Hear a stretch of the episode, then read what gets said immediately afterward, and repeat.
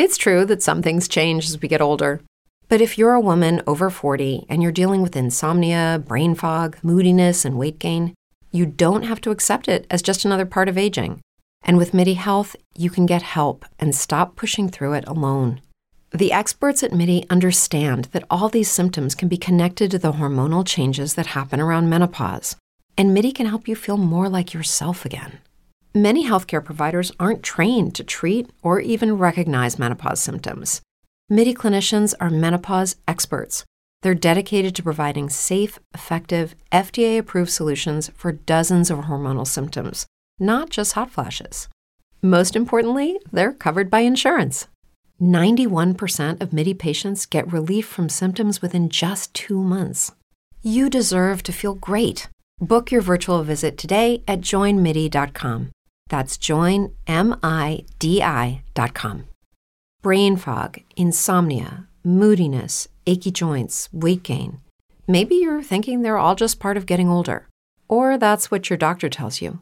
But MIDI Health understands that for women over 40, they can all be connected. Hormonal changes that happen during perimenopause and menopause are at the root of dozens of symptoms women experience, not just hot flashes.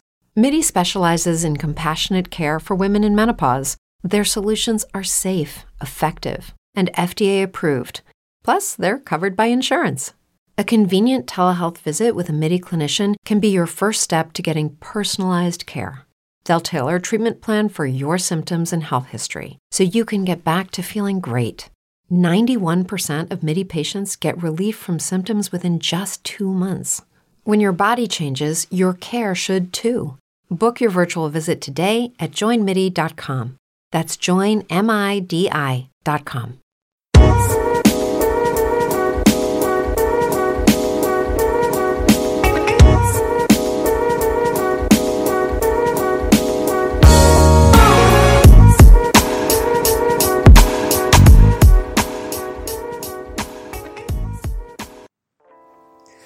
За бүгдээрээ сайн байцгаана уу? Бид бол Podlog podcast-ийн хөтлөгч нар зүч Хүслэн хоёр байна.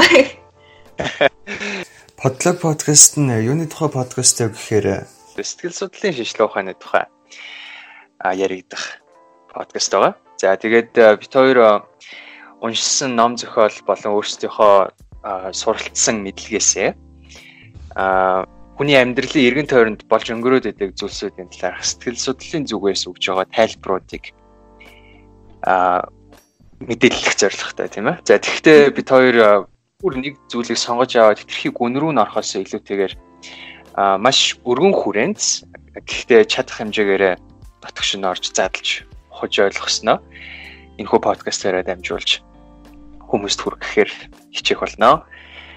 За тэгээд өнөөдөр бид хоёрын ярих байгаа сэдв бол хүүхэд болон түүний асран хамгаалагч нар хоорондын үүсэж байгаа сэтгэл зүйн сэтгэл хөдлөлийн а холбоо гэж шилж болно тийм ээ. Буюу энэгшлэлээр ярихаар бэлдсэн байгаа. За яагаад энэгшлийн сэдвийг сонгож авсан бэ гэхээр бит хоёрын зүгээс ер нь бит хоёрын амьдралд өөрчлөлт маань маш их тохиолдож байсан зүйлс нэгдүгээр. За хоёрдугаарт сүүлийн жилүүдэд ер нь анзаараад хаад гэр бүлийн салалт, гэр бүлийн хоорондын муудалцаа гэл энэ сэдвийн талаар маш хүмүүс ярьдаг болсон юм шиг санагдаад. За тэгээд бит хоёр ер нь энэ сэдвийг сонгож аваад сэтгэл судлалын үүднээс тайлбар хийхийг оролдъё гэж бодсон учраас сонгож авсан. Аха. За тэгэхээр нөгөө нэг монголчууд энэгшин дасах гэж ярьдаг штэ. Тэгэхээр энэгшил гэдэг үг маань ерөнхийдөө өмнөөс улбаатай хин нэгэнтэй сэтгэл зүйн хувьд гүн гүнзгий холбоо тогтоох гэд ойлгож байгаа тий. Тэгээд энэгшлийн одоо хамгийн чухал үе нь гэх юм бол хөөхөд бүр нэраа нялх байх үе нь буюу 0-оос 5 насны хүртэлх үе нь хамгийн чухал үе нь байдаг. Өөрөөр хэлэх юм бол энэ үед тавигдсан энэгшлийн загвар нь тухайн хүнийг насан туршид нь дагалдаж явдаг буюу нас биеинд хүрсэн ч гэсэндээ нийгмийн аливаа харилцаанд ороход нь нөлөөлөд явж идэг. Тийм учраас маш чухал одоо асуудал болж хувирж байгаа байхгүй юу? Тийм учраас бас энэшлийг ярихаар сонгож аваад бэлдсэн байгаа тий. Тэгэхээр а юун төрөнд энэшлийн дөрвөн хэлбэр байгаа. Тэгэхээр бит хоёр хоёр хоёроор нь аваад а бас товчхон та бүхэнд яг ямар хуу төрөл байдаг юм бэ гэдгийг нь хүргэе те. За хамгийн эхнийх нь secure буюу аюулгүй бат бүх энэгшил. За энэ энэгшлийг хэрхэн бий болгодог вэ гэхээр ер нь тухайн хүүхдэд үүсэж байгаа хэрэгцээг нь одоо эцэг их нь цаг тухайд нь хангаж өгөөд хайрлаж инхрээлээд асран хамгаалж байгаа шүү гэдгээ мэдрүүлээд байх юм бол ийм аюулгүй энэгшлийн хэлбэрийг бий болгож хүүхдийг одоо хүмүүжүүлдэг. За тэгээд аюулгүй энэшлийг хэв загвартай хүмүүс бол эцэг ихтэйгээ эрүүл холбоог бий болгож чадсан хүмүүс байдгаа гэж үздэг. Энэ хүмүүс ер нь бол насанд хүрээд хосын харилцаа ч юм уу эсвэл ямарваа нэг нийгмийн харилцаанд өөрийгөө авч явахдаа тийм одоо а өөртөө маш их ихтгэлтэй үүнийхээ хажуугаар бусад хүмүүст ч гэсэндээ юм хүндэтгэлтэй хайр одоо хайрлаж хамгаалж хандаж чаддаг хүмүүс болдог. Ингээд ирэхээр нөгөө нэг одоо альва нэг харилцаанд асуудал гарах нь маш бага. За мөн түнчлэн асуудал гарсан ч гэсэндээ тухайн одоо асуудлыг маш эргээр хялбараар шийдэж чаддаг хүмүүс болж төлөвшдөг байх нэ. Тэгээ хосон харилцаан дээр ярьж байгаа болохоор мэдээч хэрэг нөгөө нэг би бинийгээ ойлгож, дэмжиж одоо туслаж байна гэдэг нь маш чухал байдаг. За энэ аюулгүй хэлбэрийн энэшилтэй хүмүүс олвол яг нөгөө нэг өөртөө төдийгүй хамтрагчт нь яг юу хэрэгтэй байгаа юм бэ гэдгийг нь мэдэрч ойлгож чаддаг болохоор одоо асуудлуудыг маш багаар үүсгдэг. За тэгээд илүү аз жаргалтай, сайхан эрүүл харилцааг бий болгодгоо гэж үздэг байгаа.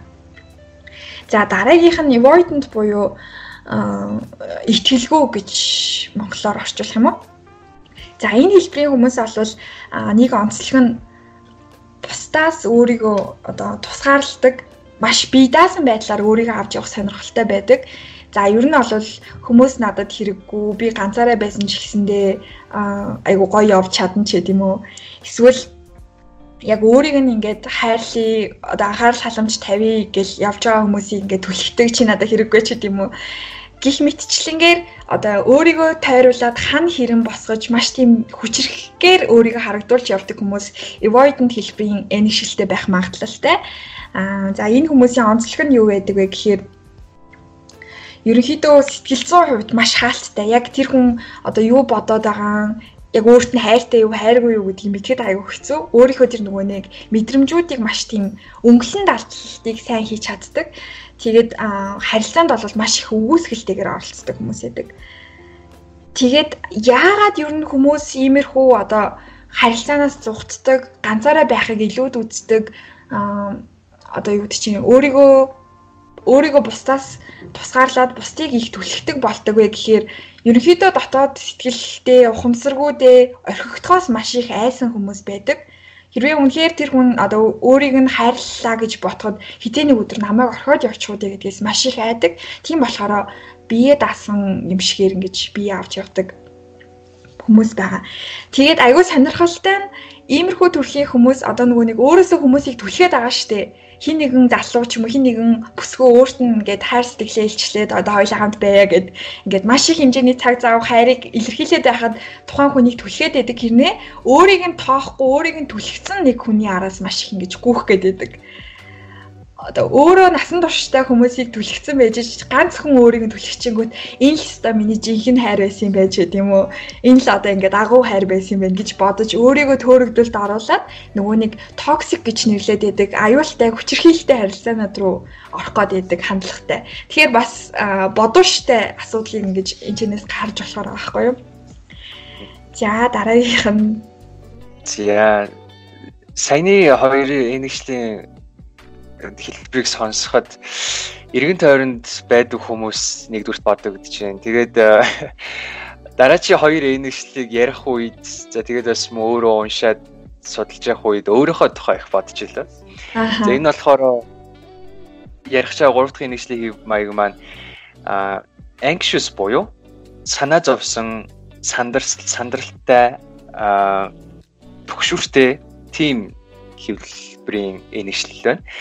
За энэ э, өмнө ярьсан бусдыг өөрөөсөө түлхээд байдгаас илүүтэйгээр бүр бусдад очиод наалтчдаг төрлөө. Ерөөсөө нэг ойрт бараг салахгүй гэж хичээх хэн холгоо тийм ээ. Тэгсэн мөртлөө ерөөсөө тэр үүсгээд байгаа харилцаанд сэтгэл хангалуун бос хизээ энэ хүн намайг орхиод явчих бол хизээ би ганцаараа хаягдаад үлдчих бол гэж маш их а өөртөө за өөрийг бодол санаагаа эмгцэгцэхүү болгож асуудлуудыг үүсгэж идэг. Тэгээд бодсон бодолтой хит гүн итгээд сэмжээнээ сэтрэх аюултай эрсдэлтэй. За тэгээд байхаа үндсэн дээрээс ерөөсөө үссэн харилцаа нь удаан үргэлжилдэггүй янз бүрийн асуудлаар дуусдаг а байх нь. За тэгвэл энэ төрлийн хүмүүс ер нь өөрсдөө юу гэж тайлбарлаад байна гэдэг мэдээлэл байна энэ вебсайтн дээр. За бид хоёр бас энэ юм уншсан танилцсан вебсайт номнуудаа бүгднийг подкаст дээр оруулчихна. За тэгээд гүнзгийрүүлж уншмаар байгаа хүмүүс маань танилцмаар байгаа хүмүүс маань тэр их сурвалжаар орж унших боломжтой байгаа тийм. За тэгээд би бос энэ хүн юу гэж юм гэхээр би бостой бүр маш галзуу юм шиг сэтгэл зүрхээрээ холбогдмоор байдаг гэж байгаа байхгүй. Би бүр ингээд тэгж холбогдсон юм шиг санагддаг. А гэхдээ бус хүмүүс надтай тихгүй байгаа юм шиг санагддаг. Тэгээд ерөөсөө би ингэж их хайрлаад хаа тэр хүн яагаад тэгж хайрлахгүй байгаа юм болоо л гэсэн бодол минь толгойд гэдэг гинэ. За тэгээд а нэг юм төрлөө юмс тэ. За энийг уншиж байхад ерөөсөө би л бодогдоод байлаа л да. А гэхдээ бас ингээд нэг талаас нь харахаар би юм шиг өөрчлөө нөгөө талаас нь харахаар за бас арайч штэ би бас арайч ингэдэггүй штэ гэж бодогдож байгаа ч гэсэн нэгэд жаахан ч гэсэн юм байдаг юм шиг. Ерөөсөө янз бүрийн жижиг сажиг асуудал гарч ирэхээр саяны ярьсан бодлоод ерөөсөө ингээд бүх гээл ороод ирдэг. Ерөөсөө ингээд намайг яагаад тоохгүй байгаа юм бол тоохгүй байгаа юм биш үстэй гээл нэг талаас хартах гал нөгөө талаас өөртөө амар сэтгэлээр унаал тэгэл ерөөсөө ингээд орон дээрээ дууснаасаа хөвцөж байгаа байхгүй тий. Тэгэхээр тэгэхээр одоо яах хэрэгтэй вэ гэдгийг бас бид хоёрыг утахгүй ярина. А гэхдээ ямар ч байсан эдгээр зүйлүүдийг бүгдийг нь уншиж хахад амьдралд маш ойрхон. За тэгээд бас ер нь хүн яг нэг хэв маягийнх нь нэг энэглэлийн хэв маягт байдаггүй юм шиг бас надад санагдсан. Хэд хэдэн энэглэлийн хэв маягууд бас хамтдаа байх боломжтой юм шиг тийм ээ. Нэг харилцаанд магадгүй маш аюулгүй энэгшилтэй хүн шиг байсан мөртлөө дараагийн нэг харилцаа үүсгэхэд бусад аюултай энэгшлийн шившинчүүдийг гаргах, бодлоодыг бодох ч юм уу. Аль эсвэл нэг хэсэг хугацаанд зүг зүгээр явж ирснаа дараагийн нэг хэсэг хугацаанд сонин зай ашууд гаргах ч юм уу. Тэгэхээр нэг бол хэлбэлцчихдээ тухайн хүний сэтгэл санаа, амьдралын мөчлөг, нас аа бусад хүчин зүйлүүдээс шалтгаалаад тийм ээ. Им шиг надад санагдсан. За сүүлийн нэгжлийн хэв маяг нь disorganized буюу а эмх замбраагүй. За энэ эмх замбраагүй гэдэгтээ юу хэлж ийм гэхээр өмнөх дурдсан хоёр аюултай нэгжил буюу сандардаг, бусдыг өөрөөсөө түлхдэг. Энэ хоёр хоёулаа давхардж илэрдэг, хамтдаа илэрдэг. Энэ хэв маяг хэлж байгаа. За ерөөсөө бусдтай ойр байхгүй. За байлаа гэхэд бүр ингээд туйлдаа хүртэл сандраад твтээд асуудалтай болдог. Өөрөөсөө ингээд босд хүмүүст итгэн гэж бодолтод огтхон ч орж ирэхгүй. Итгэн гэх юм бол өстой юу яриад аа бэ? Би өөрөө ганцаараа л хийхгүй бол гэдэг бодол нь бүр гүнзгий давам галцсан тийм. Гэтэл нөгөө бусдыг өөрөөсөө түлхдэг юм аяг маань аа бусдад нэх амар найдна гэдэг дээрээ бүр ингээд туйлын эсэргүүцэлтэй биш. Зүгээр би ганцаараа байх нь надад тухтай байдаг учраас гэдэг үүднээсээ тийм ээ. Гэтэл disorganized буюу эмх замраагүй хүний хувьд бүр ерөөсөө бусдад итгэн гэдэг бодол толгойд нь орж ирэх юм бол ерөөсөө өөрийгөө би одоо юу бодоод байна гэж бодохоор. Тэгээд хэрвээ хин нэгэнд итгэхээр болох юм бол аль эсвэл хин нэгэнд найдаж юмыг даатгахаар болох юм бол туйлын сандралтай байнгын толгойд нь боддоостой бодолт нь одоо эргэлдээстэй тийм яачих бол ингэчих болоо тэгчих болоо мэгөө хүн рүүгээ байн гоцтойж асуудаг тий чи хаана юу вэ гэдээ явж чинь би жоо ингэчээрээ тэгсэн тэгчээрээ гэсэн тэгсэн үү ингэсэн үү. Ерөөсөө 50 байж ерөөсөө огч чадахгүй л байгаа юм л та. Энэ үүднээсээ хосын харилцаан дээр ороод ирэхээр ямар байхыг нь ерөнхийдөө бол хүмүүс төсөөлж байгаа. Тэгээ би ч гэсэн яг энэ нэрийг уншаад төсөөлөөр ботход ер нь анханасаа маш удаан хугацаанд нөгөө хүнтэйгээ харьцаад нэг нэг нэг ойлгох жагаад би ингээд өгдөг чи тэгдэггүй ингэдэггүй нөгөө хүн ч гэсэн би ингэдэг тэгдэг тэгвэл хоёулаа надад чамаа ингэж засах хэрэгтэй юм шиг наад чи ер нь яадгийн болоо гэд маш удаан хугацаа нэг нэгээс судалсны үндсэн дээрээс илүү дотн харилцаанд орж илүү цаашаага амьдралыг төлөвлөж хамтдаа амьдрах тэр шийдвэрүүдийг гаргах нь үнэхээр чухал юм байна гэдгийг ойлголоо л доо. За тэгвэл одоо хий нэгэн хүнд ингээ зүрх сэтгэлээсээ сайн болчоод хамгийн түрүүнд мэдээж толоод нь орж ирэх бодол энэ хүн ямар энэгшилтэй байлаа байхгүй тийм ээ. Ерөөсөө би бодчихлаа. Миний сэтгэл зүрхэл гэдэг бодол барыг орж ирэх баг. Тэгээ ерөөсөө босод бүх нөгөө хүний муу муухай буруу сөрөг зүйлсүүдийг нь байхгүй болгоод харч чадахгүй тийм. Тийм үедээ тэгвэл яах юм бэ? Гэвэл за тэгэд бас өөрөө нөгөө аюултай нэгшлийн 3 хэм маягт байгаад байгаа юм шиг санагдаад байвал яах вэ? Үрд энэ байдлаар үлдчих юм уу? Үрд хин нэгэн тим хүнд хайртай болчиход шийдвэрлэж чадахгүй үлдчих юм уу гэвэл үгүй ээ. Боёо нэгшлийн хэм маягуудаа бид нэр өөрчлөх боломжтой тийм ээ. Тийм мэдээч хэрэг ласан яри. Аха. Хүмүүс нөгөө нэг сонсохоор одоо юу гэдэг чи ийм ийм асуудалтай одоо ингэж нөгөө хүнээ түлхдэг ингэж нөгөө хүндээ наалтдаг гэл ингэнгүүт хүн болгон өө нэр надад чи ийм шинжин илрээд байгаа болов би ийм disorganized юм болов ч гэдэм юм ингээд асуудлыг бас томруулж хөндрүүлж хараад иж магадгүй угаасаа одоо энэ сэтгэл зүйтэй холбоотой сэтгцийн асуудлууд ерөнхийдөө ийм жоохон хүн өөрийгөө дөвийлгэж үнэлэх хандлагатай болох гэдэг. Тийм учраас юуны төрөнд одоо дүгнэлт хийхээсээ өмнө үүнийг сонсоосэй гэж хүсэж байна. Юу вэ гэхээр энэгшлийн одоо энэхүү хэлбэр нь нэгдүгээрт бац бүх буюу тэр нөгөө секур хэлбэрлүүгээ шилжих боломжтой байдаг.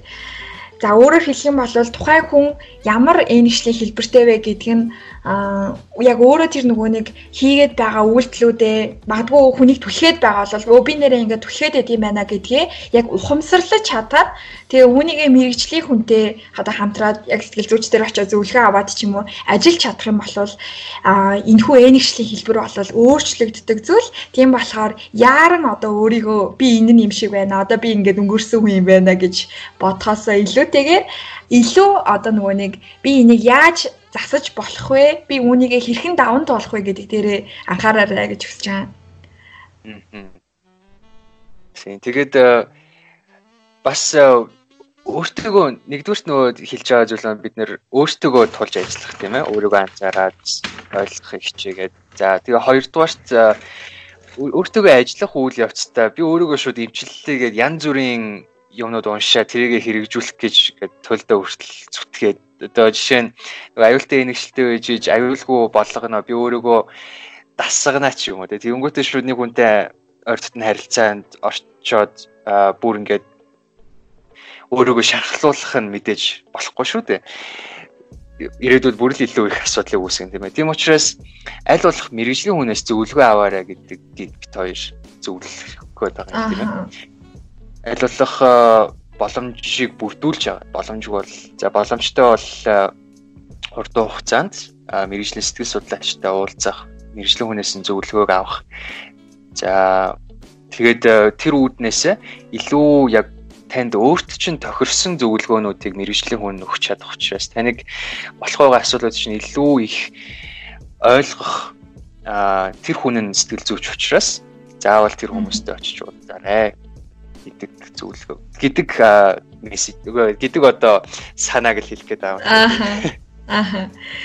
Тэгээд ер нь бол хүмүүс энэхүү энэгшлийн асуудлыг одоо юу гэдэг чинь амар хүн дээр тусгаж авч иж магадгүй. Аа ер нь бол ингээд уншаад явж байхад анзаарч байхад хүмүүст айгүй түгээмэл байдаг асуудал юм байлээ. Надад ч гэсэндээ одоо нэг хоёр нь явж байх жишээний Тэгээд хүн өөрөө энийг хамгийн гол нь уншиж судлахгүй, мэдэхгүй болвол урд хожид сонсож байгаагүй болвол одоо би яг ямар энэчлэг хэлбэртэй юм бэ гэдгийг мэдэхгүй. Тэгээд ингээл тэр чигээрэл үргэлжлээл нөгөө нэг түлхээл яадаг, нөгөө нэг зүхтаал яадаг, эсвэл наалтаал яадаг гих мэтчлэнгээр харилцаанаас маш их хэмжээний шархыг өөртөө аваад нөгөө хүнээ шархлуулаад энэ нь яг ингээл секс маягаар үргэлжлээл яваад байдаг юм шиг санагдсан. Тэгээд А энийг одоо энэгшлийн ямар хэлбэртэй гэвэ гэдгийг мэдэх айгүй ганц л арга байд юм шиг надад санагдсан. Яг хүн одоо энэ нөгөө хүнтэйгээ дотн харилцаанд орж харилцаж үзэхгүй, хайрлахгүй, дурлахгүй болвол яг өөртөө байгаа асуудлыг мэддэггүй юм шиг надад санагдсан. Өмнө нь бол яхав зүгээр ингээл хүнтэй үерхээгүй ч юм уу эсвэл дотны харилцаанд ороогүй хин нэгэнтэй одоо найзалч нь хөрлөөгүй байх юм бол ганцаараа байгаад ах юм бол өөрийгөө яг ямар хүн юм бэ гэдгийг хүн төдийлөн сайн мэдэхгүй, өөрлөгөө өнгөж харахгүй Тэгээд эсвэргээрээ яг нийгмийн харилцаанд ороод ирэхэд яг нөгөө нэг болохгүй байгаа өргөснүүд нь яг ингэж сухууж эхэлдэг юм байлээ. За би бол жишээлбэл яг тэр нөгөө нэг би даасан хэлбэрийн ингэж өөртөө итгүүлсэн төрлийн үнэ яваад байгаа байхгүй юу. Тэгээд энийг бол одоо юу гэдэг чинь айгүй сайхан оюунлахаар тайлбарлана л та. Би ингээд хүмүүсээс хамааралгүйгээр айгүй өдөрч чадна. Одоо гоё би даасан байвал гоё байдаг байдаг ч гэдэм үү. Ингээд айгүй гоё а эгоогоо оруулаад ингээл амар гоё тайлбарлаж болно. Гэхдээ эцээ эцэд хүм гэдэг чинь нийгмийн амтан харилцаанд орж иж, хайрлаж, дурлж иж, одоо найз нөхөдтэй байж иж өөрийгөө илүү их одоо олж мэддэг, өөрийнхөө илүү потенциалыг нээдэг. Тийм учраас яг үүнийгээ мэдэх нь айгүй чухал юм шиг санагдсан. Зөв зөв. Яг тийм те. Аа ядаж найзуудаас асууж үзэх хэрэгтэй тий. Ерөөсөө өмнө юу ирэх ч байгаагүй а одоо гэсэн үг шүү дээ тий. Тийм бол аль эсвэл одоо туршилтаар үерх гэж хэлэх нь цаашаа. Зүгээр ямар ч байсан үерхэл гэдэг чинь өөрөө л туршилтын нэр шүү дээ тий. Ерөөсөө гэрлэж сүйд явахаас өмнө тэр хүнийг таньж мэдж байгаа туршилтын үе шат шүү дээ. Тэгэл тэр туршилтын үе шатыг туршилтаар л ашиглах хэрэгтэй л болж байгаа юм л та. А гэхдээ энэ нь одоо өөрийнхөө цэвэр ашигын тулд гэхээсээ илүүтэйгээр өөрийгөө таньж мэдснээр нөгөө хүндээ бас ирээдүйд нь лай учруулахгүй, гай болохгүй, амьдралд нь садаа болохгүй гэдэг үүднээс харах юм бол ууг нь их чухал э, санагдаад байгаа юм надаа. Тэгээ зөвхөн би л өөрийгөө таньж мэдээд ингээд амар тайван байх гэхээс илүүтэйгээр. За тэгээд түрүүн чи дурдсан цикл гэсэн тий. Яг энэ энэгшлийн бас өөрийнх нь нэг цикл байгаа тий. Аа хүүхдээс дараагийн хүүхд рүү ингээд дамжаад явдаг тий. Буюу а аюултай энэгшил аюултай энэгшилтэй эцэг эхчүүдийн хүүхдүүд нь ирээдүйд аюултай энэгшилтэй болж өсөх магадлал нь маш өндөр. Яагаад гэвэл тухайн эцэг их өөрсдөө бага наснда энэгшлийг эцэг ихээсээ асаа хамгаалагчаас хүртэж чадаагүй учраас а хүүхдэд яаж өгөхийг тийм хүмүүс бол мэдэхгүй байна гэсэн. Энэ үднээсээ хүүхдийн хүмүүжүүлэхтэй хангалттай ойр дотн байж сонсож ойлгож сэтгэлийн хөдлөлийг нь гадагшлуулах тэр арга замуудыг хэрэгжүүлээгүйгээс болж хүүхд нь хүртэл аюултай энэгшилтэй болох эрсдэлтэй байдаг аа. Тийм учраас а өөрийгөө таньж мэдэх гэдэг маань дахиад л чухал хэрэгцээтэй болоод ирж байгаа тийм ээ. Аха. Тэгэхээр энэ хүү подкастаараа бит хоёр ер нь бол уншиж судалсныхаа хүрээнд хит хитэн зүйлсийг та бүхэнд ингээд аягүй санал болгож байгаа. Тэрний юу вэ гэхээр нэгдүгээрт гой залуучууд маань сонсож байгаа бол аль болох харилцаанд одоо юу чинь нийгмийн харилцаа, найз нөхдийн харилцаан дундаас өөрийгөө олж аваад үнэхээр өөрт чинь энэхүү асуудал байх юм бол үүн дээрээ ажиллаад за бүр чадахгүй байх юм бол мэрэгжлийн хүмүүст хандаарай гэд уриалж байгаа. За дараачих нь юу вэ гэхээр мэдээж хэрэг бид бүхэн ирээдүйд хизээ нэгэн цагт эцэг эхчүүд болно. Тийм учраас таны одоо төрүүлж өсгөж байгаа хүүхэд чинь ямар энэгшилтэй болох нь танаас шалтгаалж байгаа гэдгийг ухамсарлаасай гэж хүсэж байгаа. Тийм болохоор гэр бүл зохион одоо нэг хүний амьдралыг бүтээн гэдэг бол тоглоом биш. Тийм учраас аль болох одоо уншиж судлаад өөрт байгаа асуудлуудаа шийдээд тогтоо томоотой болсныхоо дараа гэр бүлийг үүсгээсэй гэж хүсэж байгаа. Хэрвээ ингэж чадах юм бол өнөөдөр нийгэмд маань тулгараад байгаа тий асуудлууд тодорхой хэмжээнд бас буурна гэдгийг бас та бүхэн байна нэг бодоод үзээрэй. Тийм тэгээд бид хоёрын дараагийн дугаар маань яг сая залуучууд руугаа чиглэсэн буюу 20 настай яг их сургуулаа төгсөх айдаад яг 20 нас даваад 2.1 туулсан хүмүүсийн тухай подкаст байгаа. Тэрэн дээр бас яг энэ хайр сэтгэлийн асуудал илүү хов хүн талаас мэдрэмж талаасаа илүү гүнзгий орж ирж яригдах байхаа тий. Ааха. За тэгээд эхний дугаараа та бүхэнд хүргэлээ. Тэгээд цааш цааш та илүү өмнө гаргасан алтаануудаа засаад илүү сонирхолтой байдлаар сонирхолтой сэдвүүдийг хүндээд хүргэх болно. Тэгээд энэ удаагийн дугаарыг маань аа сонирхсан, таалан сойрхсон туйл их баярлаа. Дараагийн дугаараараа уулзцгаая. Баярлаа. Баяртай. За, баяртай.